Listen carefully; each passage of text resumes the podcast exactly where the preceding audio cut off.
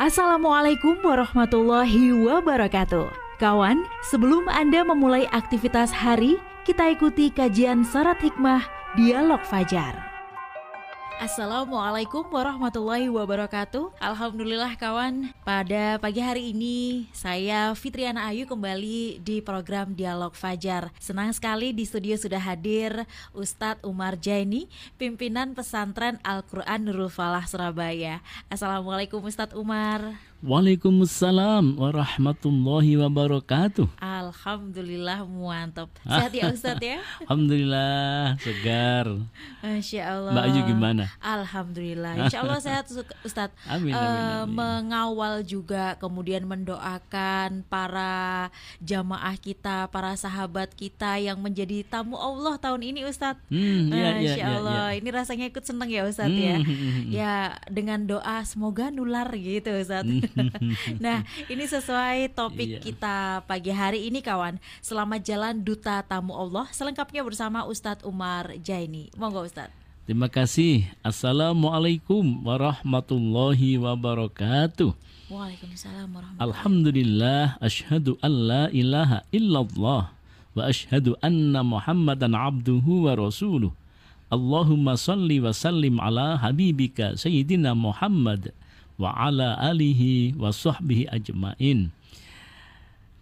Kawan, menarik sekali tema bahasan kita pagi hari ini yaitu selamat jalan duta tamu Allah. Nah, ini yang kita maksud adalah saat ini kan sedang eh, berlangsung saudara-saudara kita muslim untuk pergi menunaikan ibadah haji. Maka sangat penting kita eh, renungkan kemudian kita ambil hikmah pelajaran apa yang bisa kita ambil dari perjalanan haji walaupun kita tidak sedang berhaji saat ini. Nah, tapi setidaknya kita dengan eh, merenungkan ikut juga bergembira dengan saudara-saudara kita yang hari ini atau beberapa pekan ini ya sedang ramai ini sudah ada yang sudah nyampe di sana, ada yang masih persiapan, ada ya bermacam-macam lah.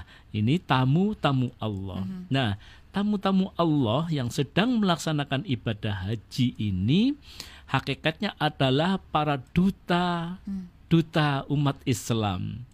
Jadi kayak duta dari kampungnya, kemudian dari kampung ya duta dari wilayah kelurahannya, kelurahan wilayah kabupatennya, duta dari wilayah kabupaten, duta dari wilayah Jawa Timur, duta dari wilayah negeri Indonesia. Ya, mereka ini akan berkumpul di sana untuk melaksanakan panggilan Allah Subhanahu wa taala.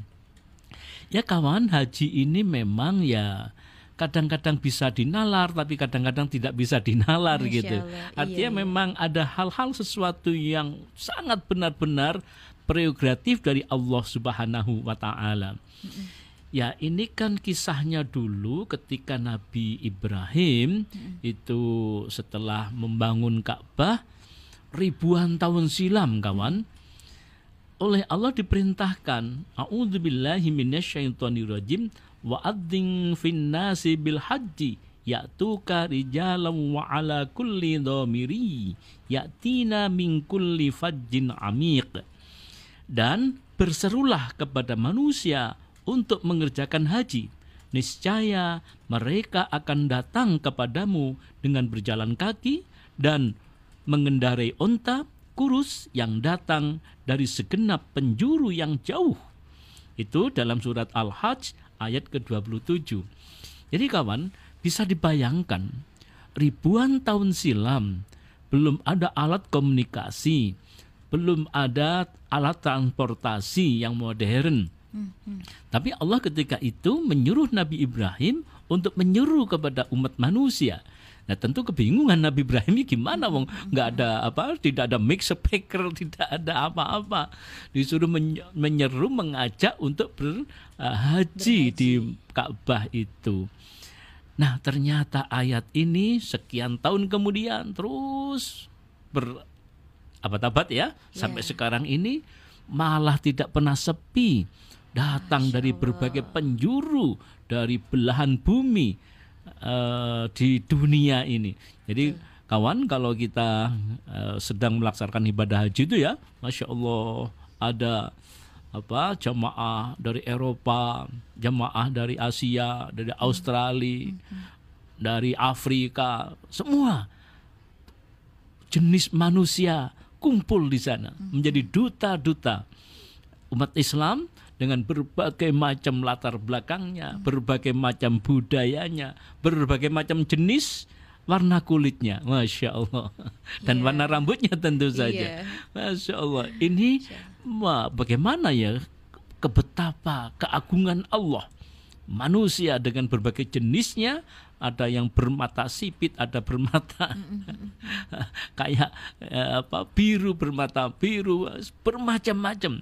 Itu kumpul di sana memenuhi panggilan Allah Subhanahu wa taala. Ya, itulah kawan yang tadi saya bilang haji ini eh, kadang-kadang uh, susah dinalar karena kadang-kadang orang yang tidak kaya pun juga bisa. Masya. Tapi orang yang kaya pun ternyata juga masih belum bisa. Ada saja hambatan-hambatannya. Misalnya begitu. Jadi banyak kan cerita-cerita itu ya.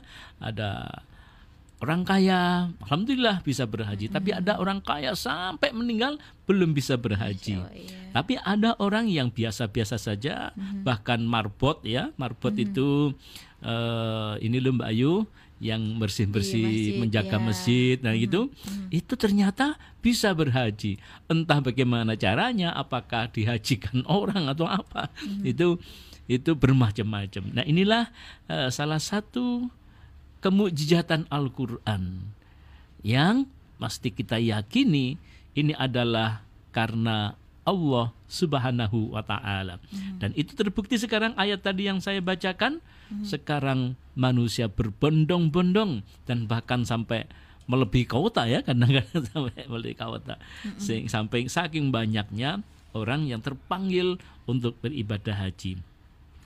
Nah, jadi kawan, sekali lagi bahwa saudara kita, ya kalau kebetulan di kampung saudara atau di wilayah saudara, para eh, ada yang berangkat haji, sesungguhnya mereka ini adalah duta yang mewakili kampung saudara, yang mewakili kelurahan saudara, yang mewakili kota kita dan yang mewakili negeri Indonesia ini. Nah, untuk itu kawan, maka mari kita muliakan mereka ini. Karena mereka adalah duta, maka kita hormati dan Mudah-mudahan yang berangkat tahun ini saya juga mengharapkan hmm. bagaimana di samping berdoa karena saudara adalah duta nantinya, di samping doa untuk dirinya, untuk keluarganya, hmm. jangan lupa doakan juga untuk masyarakat sekitar, masyarakat kampungnya, kota kita ini, kota Surabaya, negeri Indonesia kita mohon uh, titip pesan saya hmm. untuk bisa mendoakan juga agar negeri yang kita cintai ini doakan dari sana menjadi negeri yang damai, amin. negeri yang amin, amin, ya bersatu, hmm. negeri yang ya santun, apalagi sebentar lagi kita akan memasuki tahun politik. Ya. Nah, ini biasanya kalau di luar negeri itu Mbak Ayu hmm. itu terenyuh ya melihat hmm. negeri sendiri itu terenyuh hmm. gitu ingat ke negerinya jadi hmm. eh, harapan saya bukan hanya ingat saja tapi sekaligus mendoakan mudah-mudahan eh, pilihan pilihan apa pun di tahun politik ini silahkan itu individu jangan hmm. sampai membuat keretakan eh, antar sesama anak bangsa ini maka hmm. ini perlu sekali doa dari para haji para duta-duta ini bayangkan kalau semua yang hadir di sana di seluruh Indonesia sama-sama berdoa memohonkan negeri kita menjadi negeri yang baldatun thayyibatun warupun ghafur.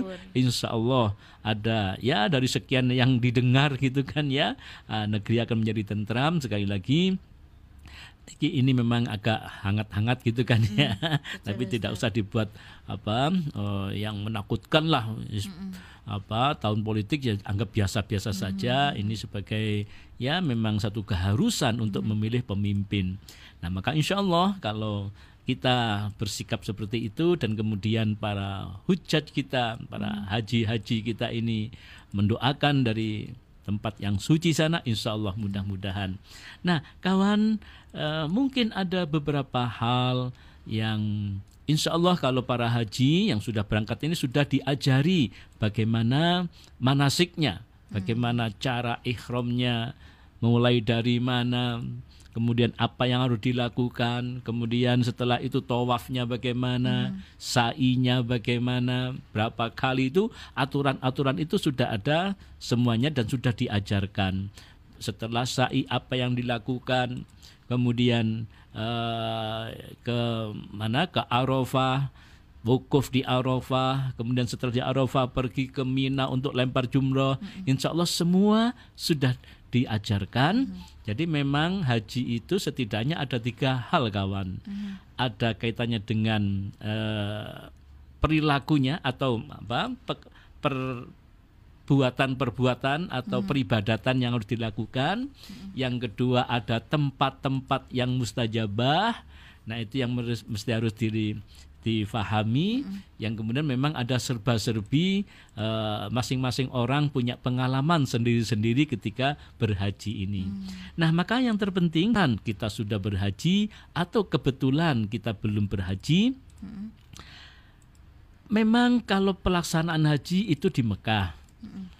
Tapi nilai-nilainya atau kandungan-kandungan isinya itu tidak terbatas satu tahun sekali hmm. dan tidak hanya terbatas di Mekah, tapi nilai-nilainya itu bisa kita implementasikan, bisa kita ambil nilai-nilainya bagi siapa pun hmm. yang sedang haji atau belum haji itu bisa mengambil hikmah dari nilai-nilai perbuatan-perbuatan haji itu. Misalnya pertama hmm. itu tentang uh, ini kawan apa ikhram. Jadi hmm. haji itu harus dimulai dengan ikhram. Hmm. Ikhram itu artinya niat, hmm. niat untuk melaksanakan haji. Nah, ketika niat haji itu harus menggunakan atau memakai pakaian yang serba putih itu. Hmm. Nah, jadi ada pakaian ihram yang yeah. itu dilakukan. Nah, apa makna memakai baju putih itu atau lembaran kain putih itu maknanya adalah bagaimana kita merenungkan bahwa hidup ini satu saat akan dibungkus dengan air kain kafan yang putih itu mm-hmm. dan itulah semua manusia umat Islam dan akan mengalami peristiwa yang seperti itu. Nah, maka apa yang harus kita lakukan? Maka bersihkanlah hati kita, sucikan hati kita, putihkan hati kita bagaikan kain ikhram itu.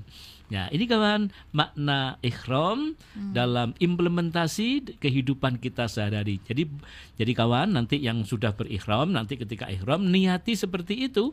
Jadi bukan hanya sekedar menyelendangkan gitu saja ya, hmm. tapi didalami maknanya. Oh, ikhram itu membersihkan hati kita dan mengingatkan bahwa kita satu saat akan dibungkus dengan kain ikhram itu. Berikutnya ada setelah walaupun dulu tidak urut di sini ya, di sana yeah. ada perbuatan-perbuatan, ada wukuf di Arafah, mm -hmm. itu artinya berhenti. Maknanya apa berhenti di sana itu? Ya berzikir kepada Allah itu yang dilakukan, mm -hmm. tapi makna yang paling mendalam adalah sesungguhnya kita diajari oleh Allah untuk selalu introspeksi diri. Mm. Jadi berhenti di situ bukan hanya sekedar duduk-duduk saja, tapi sambil merenung dan berin apa introspeksi diri, hmm. merenung mengevaluasi bagaimana perjalanan hidup kita ini. Apakah sudah sesuai dengan ajaran Allah? Apakah kita masih banyak melakukan maksiat-maksiat? Hmm. Apakah waktu kita terbuang begitu saja dalam kehidupan sehari-hari? Semua itu perlu diintrospeksi, perlu direnungkan dengan nilai wukuf di Arafah itu. Jadi pelaksanaannya memang harus di Mekah di Arafah. Yeah. Tapi renungannya, implementasinya bisa dan harus di mana pun kita hmm. tinggal berada. Tawaf. Di sana juga ada tawaf nanti, hmm. yaitu maknanya apa kalau tawaf itu kan ber, mengelilingi Ka'bah, berkeliling Ka'bah yang tujuh kali itu. Hmm. Tapi apa maknanya? Maknanya adalah ternyata segala kegiatan itu berpusat kepada keesaan Allah Subhanahu wa taala. Jadi gambarannya kawan, setiap hari kita ini kan selalu bergerak ya. Iya. Ustaz. Tujuh hari dalam sepekan. Mm. Nah, jadi kalau di Mekah itu tawaf itu tujuh, kali, kali keliling, ya. nah, kita sesungguhnya tujuh kali tujuh hari setiap hari kita bergerak bekerja pulang berangkat pagi pulang, pulang sore pagi. waduh nah terus bahkan tidak ada habisnya nah tapi dalam gerakan-gerakan itu maknanya apa maknanya adalah kita harus selalu ingat kepada hmm. Allah Subhanahu wa taala. Jadi kalau tawaf keliling dengan porosnya yeah. Ka'bahnya itu itu hmm. mencerminkan bah, mencerminkan bahwa mengingatkan kepada kita setiap perilaku kita apakah kita bekerja di pasar, di kantor, di kebun, di mana saja, maka ingatlah yang kita lakukan itu selalu harus berporos pada hmm. Allah Subhanahu wa taala. Hmm. Berikut juga ada syai yaitu melempar uh, apa syai kok melempar apa? Uh, syai itu lari-lari kecil. Hmm. Itu apa maknanya? Yeah. Maknanya adalah itu sebuah perjuangan kawan. Jadi bagaimana si Ibunda Hajar lari-lari untuk mencari air itu sesungguhnya maknanya adalah melahirkan orang-orang yang selalu berjuang. Jadi hidup ini memang perlu perjuangan. Tidak bisa duduk-duduk saja. Maka perlu harus berjuang. Berjuang untuk apa? Untuk mencapai menggapai perubahan. Hmm. Perubahan apa? Perubahan untuk yang lebih baik, lebih baik. dan lebih baik. Nah, itu ada sa'i, kemudian ada lempar jumroh.